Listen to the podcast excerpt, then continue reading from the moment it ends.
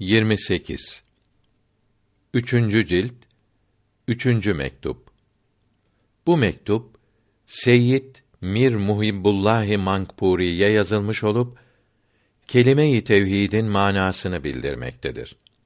Allahü Teala'ya hamdolsun ve onun seçtiği, sevdiği kullarına selamlar, kusursuzluklar olsun. La ilahe illallah yani uluhiyete, mabudiyete hakkı olan yalnız Allahü Teala'dır.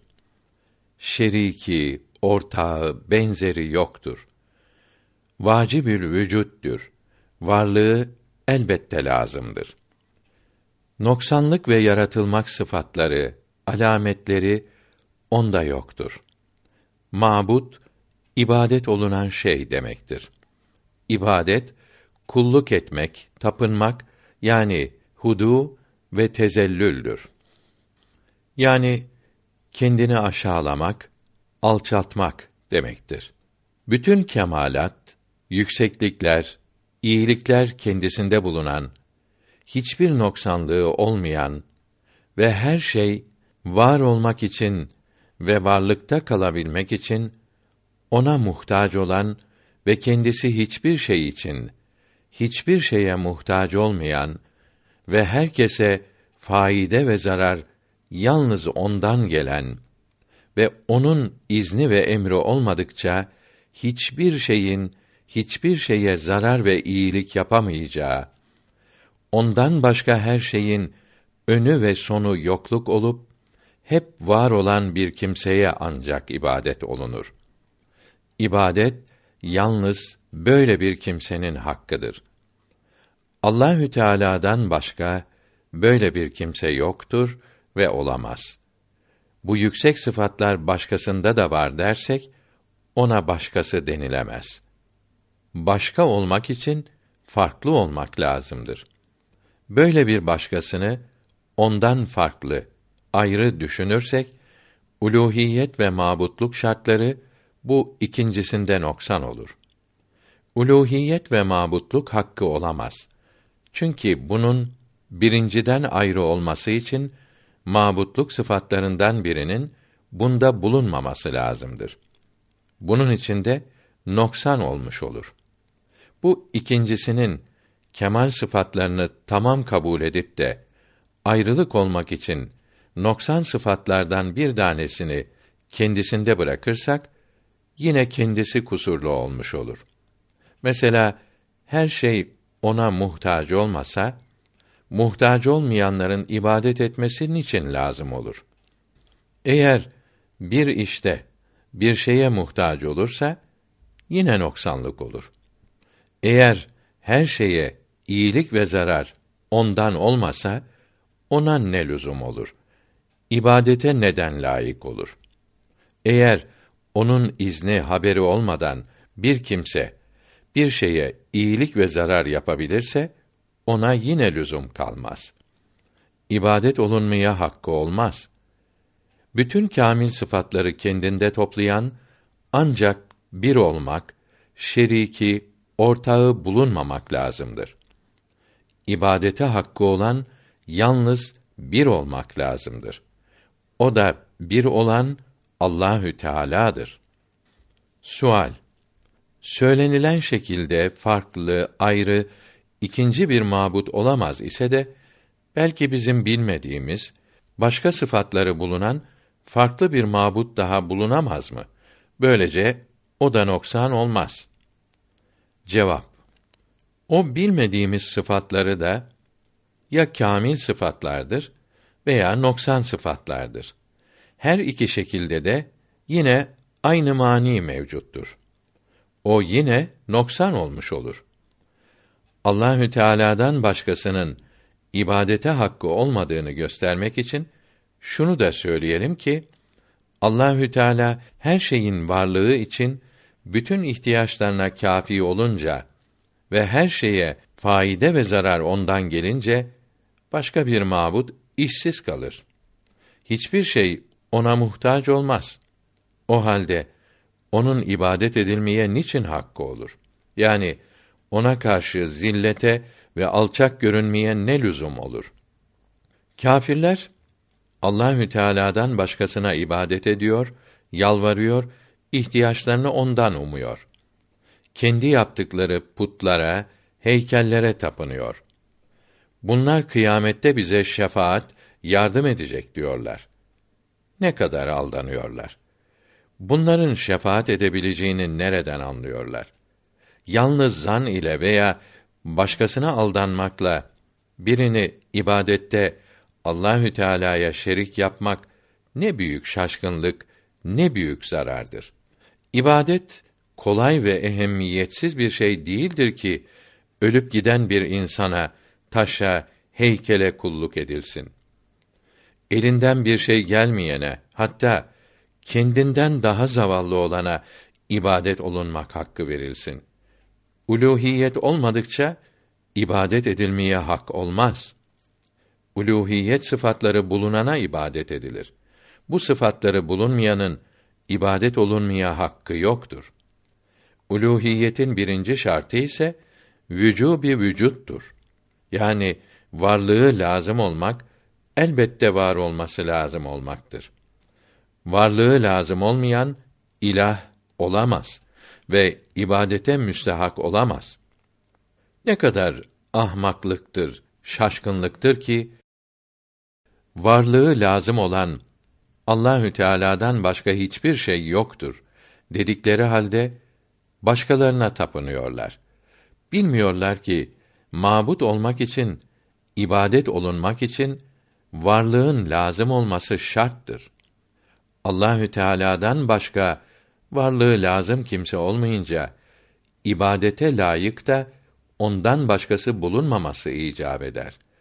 Ondan başkasına ibadet etmek başkasının vücudunu de lazım bilmek olur.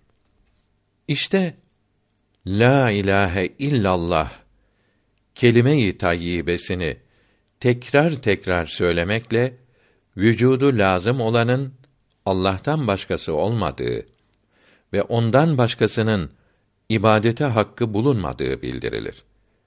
Bu ikisinden en faydalısı başkasının ibadete hakkı olmadığıdır ki bunu ancak peygamberler aleyhimüsselavatü ve teslimat bildirmiştir. Peygamberlere aleyhimüsselavatü ve tahiyyat uymayanlar da Allahü Teala'dan başkasının vücudu lazım değildir diyor. Vacibül vücut birdir diyorlarsa da ibadete müstehak olmakta aldanıyorlar. Allahü Teala'dan başka ibadet olunmaya layık kimse olmadığını anlayamıyor, başkalarına tapınmaktan sıkılmıyorlar. Kilise yapmaktan çekinmiyorlar. Kiliseleri yıkan, putlara, heykellere, diri veya ölü bir insana tapınmayı önleyen yalnız peygamberlerdir. Aleyhimüsselavatü ve tahiyyat. Bunlar Allahü Teala'dan başkasına tapanlara müşrik demişlerdir. Müşriklerin Allahü Teala'dan başkasının varlığı lazım değildir. Ondan başkası olsa da olur, olmasa da olur. Vacibül vücut yalnız odur. Deseler de başkasına taptıkları için yine müşrik olduklarını beyan buyurmuşlardır. Çünkü Allahü Teala'dan başkasına ibadet olunmamasına ehemmiyet vermişlerdir. Yani söze değil, işe kıymet vermişlerdir. Çünkü ondan başkasının ibadete hakkı olmayınca ondan başka vacibül vücut yok demektir. O halde bir kimse peygamberlerin dinine uymadıkça yani Allahü Teala'dan başkasının ibadete layık olmadığını bilmedikçe şirkten, müşrik olmaktan kurtulamaz. Şirkin kısımlarından ve insanın kendinde ve dışarıda bulunan ilahlara tapınmaktan sıyrılamaz. İnsanı bundan kurtaran ancak peygamberlerin aleyhimüsselavatü ve teslimat dinleridir. Peygamberlerin aleyhimüsselavatü ve teslimat gönderilmesinden maksat da insanları bu devlete, bu nimete kavuşturmaktır. Bu büyüklere uymadıkça şirkten kurtulmak nasip olmaz. Onların milletine girmedikçe tevhid mümkün olamaz. Nisa suresi 48 ve 116. ayet-i kerimelerinde mealen Allahü Teala müşriki affetmeyecektir buyuruldu. Burada müşrik kafir demektir. Çünkü dinlere inanmamak küfürdür. Şirk küfrün kısımlarından biridir. Bir kısmını söylemekle hepsi söylenmiş oldu. Bunun için şirk affolmayacağı gibi İslamiyetin herhangi bir hükmünü inkar eden de kafir olup affolunmayacaktır. O halde niçin ayet-i kerimede yalnız şirk affolunmaz buyurulmuştur demenin yeri yoktur. Allahü Teala'dan başkasının ibadete hakkı olmadığı meydandadır. Hatta hatsidir. Yani düşünmeye lüzum kalmadan akla geliverir. Bir kimse ibadetin manasını iyi anlasa ve Allahü Teala'nın yukarıda bildirdiğimiz sıfatlarını iyi düşünse, ondan başkasının ibadete hakkı olmadığını hemen bilir. Bunu bildirmek için söylenilenler meydanda olan şeylere haber vermek gibidir. Böyle haberlerin redd olması, itiraz olunması, münakaşa edilmesi olmaz. Bu haberlere lüzum kalmadan kendiliğinden görmek için iman nuru, iman ışığı lazımdır. Meydanda olan bedihi çok şeyler vardır ki ahmaklar, kalın kafalılar göremez. Azası hasta ve asabı bozuk çok kimse vardır ki göze çarpan ve çarpmayan birçok aşikar şeyleri göremez. Sual Tasavvuf büyükleri Kaddesallahu Teala esrarehum arzu ettiklerin mabudun olur buyurmuştur. Bunun manası nedir ve doğrusu nasıldır? Cevap Bir insanın maksudu, arzusu teveccüh ettiği, özendiği, sağ kaldıkça ele geçirmek istediği ve ele geçirmek için her zillete, alçalmaya katlandığı, hiç vazgeçmediği şey ise bu maksudu, mabudu olur ve bu hali ibadet olur. Çünkü ibadet zilletin, inkisarın son derecesidir. Allahü Teala'dan başka mabut tanımamak için ondan başka maksud olmamak, ondan başka murad olmamak lazımdır. Bunun için de la ilahe illallah derken ondan başka maksud olmadığını bilmek lazımdır. Bu mana ile bu kelimeyi o kadar çok tekrar ederler ki hiçbir maksutları kalmaz. Ondan başka bir şey arzu edilmez. Böylece başka mabudumuz yoktur sözleri doğru olur ve çeşitli ilahlardan kurtulmuş olurlar. Ondan başka maksut bırakmamak suretiyle ondan başka mabut bırakmamaya kavuşmak imanın kamil olması için şarttır ve evliyaya mahsustur. İnsanın kendinde bulunan mabutlarından kurtulmasına bağlıdır. Nefs itminana kavuşmadıkça bu derece ele geçmez nefsin itminan bulması ise fena ve bekanın tamamlanmasından sonradır. Parlak olan İslam dininin ışıklı saadet-i ebediye yolunun esası, temeli kolaylık, hafiflik ve kulları zahmetten, yorulmaktan kurtarmaktır. Çünkü insanlar zayıf, nazik yaratılmıştır.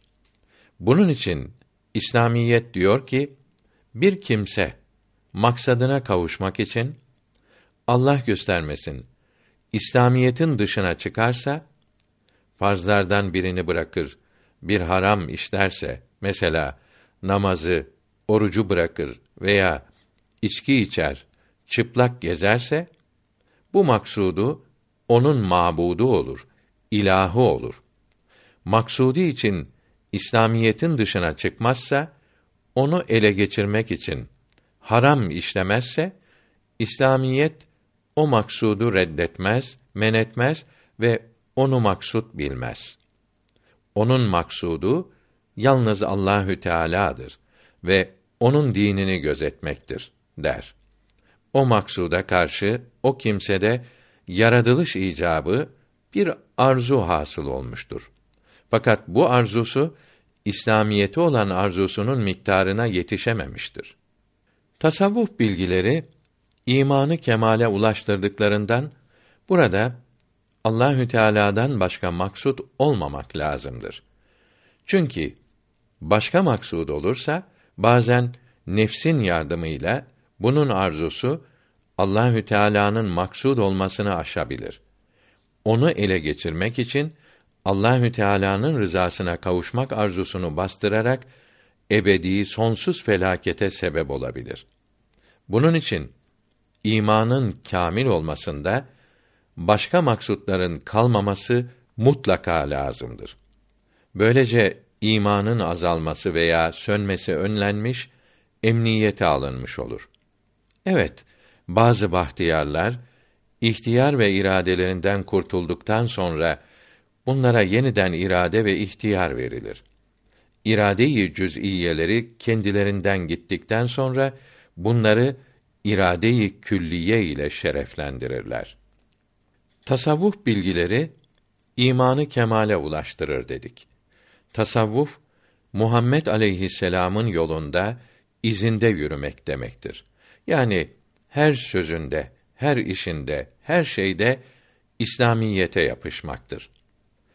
Ne yazık ki uzun zamandan beri birçok cahiller, fasıklar alçak maksatlarına kavuşmak için büyük alimlerimizin isimlerini alet olarak kullanıp çeşitli ocaklar kurmuş, İslamiyetin, dinin bozulmasına, yıkılmasına sebep olmuşlardır.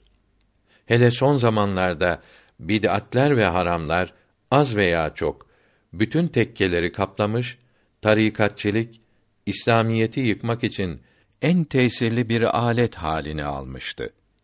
Tekkelere müzik sokuldu. Çalgı çalarak, teganni ederek, dans ederek yapılan taşkınlıklara ibadet denildi. Dini Türk musikisi diye bid'atler uyduruldu. Bunların bid'at olduğu Kadi Zade'nin bir gibi vasiyetnamesi şerhinde uzun yazılıdır. Şeyh ve tarikatçı olarak ortaya çıkan bazı kimselerin ağızlarına ateş koyduklarını, ağızlarından alevler çıktığını, bir yanağına bıçak, şiş sokarak öteki yanağından çıktığını, sokak ortasına yatarak üzerinden kamyon geçirildiği halde kendilerine hiçbir şey olmadığını görenlerden işitiyoruz. Bunların keramet olduğunu söylüyorlar. Görenler de inanıyorlarmış. Allahü Teala bunların Musa aleyhisselam zamanında da bulunduğunu haber veriyor. Bunlara keramet değil, sihir diyor. Böyle göz boyamaları Fetavai Hadisiye'nin 119. sayfasında ve mektubatın 266. mektubu sonunda ve üçüncü cildinde uzun bildirilmiş, haram olduklarına fetva verilmiştir. Bu büyücü, üfürükçü şeyhlerin, tarikatçıların yalan sözleri Hadika ve Berika'da da uzun yazılıdır. Bunların din adamı değil, Müslümanları aldatan şeytan oldukları acı acı bildirilmiştir. Bu gösterileri din değildir, dinsizliktir. Avrupa'daki, Japonya'daki kâfirler de sahnelerde, sirklerde bunlarınkinden daha acip, daha garip şeyler gösteriyorlar. İslamiyet oyun, komedi, maskaralık, müzik dini, sihirbazlık, cambazlık, hokkabazlık dini değildir. İslamiyet inanması, yapması, sakınması lazım olan şeyleri güzel ve çirkin huyları öğrenmek ve emirlere uymak, herkese iyilik yapmak dinidir. Şeyhülislam Ahmet İbni Kemal Efendi'nin El Münire kitabında diyor ki: Müslümana ilk vacip olan şey ahkâm-ı İslamiyeye uymaktır. Ahkâm-ı İslamiye Allahü Teala'nın ve Resulünün sallallahu aleyhi ve sellem emr ve yasak ettiği şeyler demektir. Peygamberimiz sallallahu aleyhi ve sellem buyuruyor ki bir kimsenin havada uçtuğunu ve deniz üzerinde yürüdüğünü yahut ağzına ateş koyup yuttuğunu görseniz fakat İslamiyete uymayan bir iş yapsa keramet sahibiyim derse de onu büyücü, yalancı, sapık ve insanları doğru yoldan saptırıcı biliniz. El Münire'den tercüme tamam oldu. Bu hadisi şerif hak yolda olan tasavvufçu ile batıl yolda olan tarikatçıları birbirlerinden kesin olarak ayırmaktadır. Osmanlıların son senelerinde memlekette hadisi şerifin haber verdiği sahte, cahil, fasık tarikatçılar türemişti. Çok şükür olsun ki Allahü Teala bunu önledi.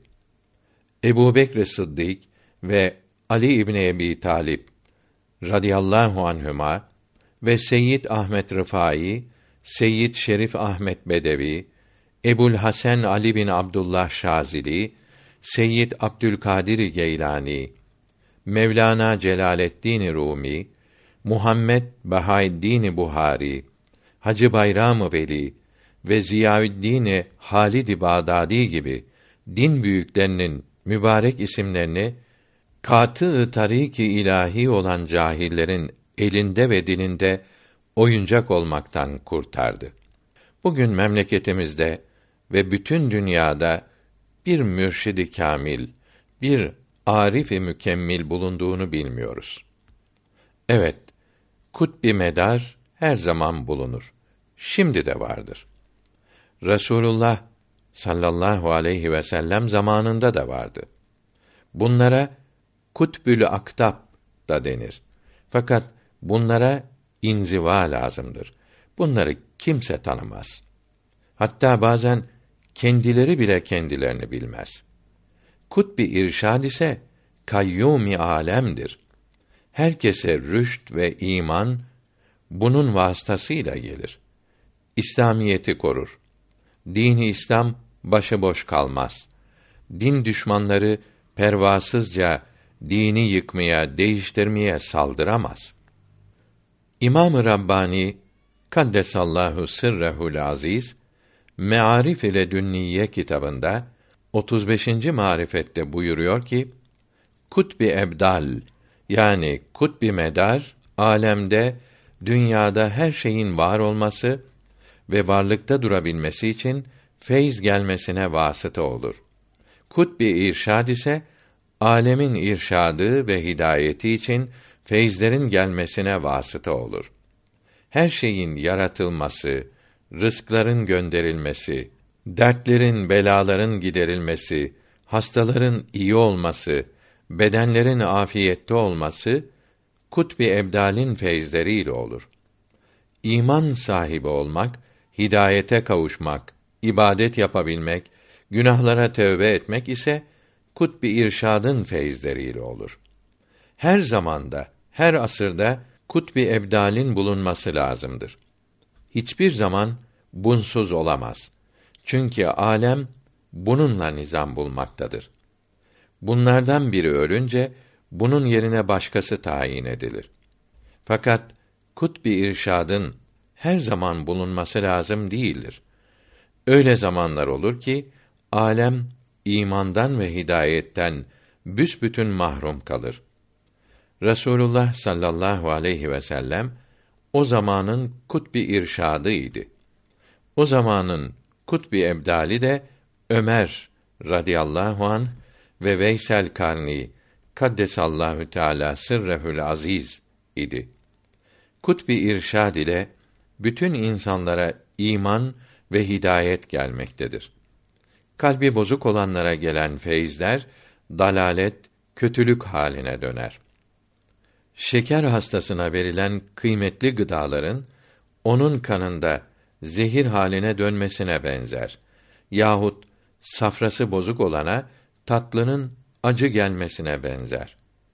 Mearif kitabından tercüme tamam oldu.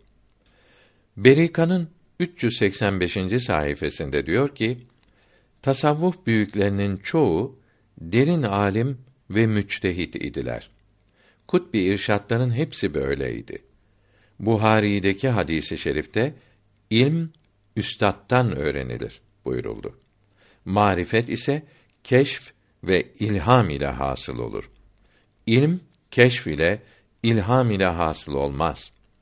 İlmin kaynağı Kur'an-ı Kerim ve hadis-i şeriflerdir. 377. sayfasında diyor ki: Tasavvuf büyüklerinin çoğu müçtehit idi. Gazali, Sevri ve İbrahim bin Ethem böyleydi. Kutbi irşatlar böyleydi. Hadika'nın 378. sayfasında diyor ki: Mearif-i ilahiye ve hakaik-i rabbaniye bilgileri keşfle ve ilham ile hasıl olur. Hocadan öğrenilmez. İbadetlerin yapılması ve bütün İslamiyet bilgileri ise üstattan öğrenmekle elde edilir. İslamiyet bilgileri ilham ile hasıl olsaydı Allahü Teala'nın peygamberler ve kitaplar göndermesine lüzum olmazdı. Bugün ve bundan sonra herhangi bir cahilin büyüklerin kitaplarından çalarak ezberlediği yaldızlı sözlerine aldanmamaya, cahil tarikatçıların tuzağına tutulup ehli sünnetten ayrılmamaya çok dikkat etmelidir. Ya Rabbi, bizlere ihsan eylediğin iman ve yakin nurunu arttır. İslamiyet ışığı ile aydınlanmamızı nasip et. Kabahatimizi ört, günahlarımızı affeyle.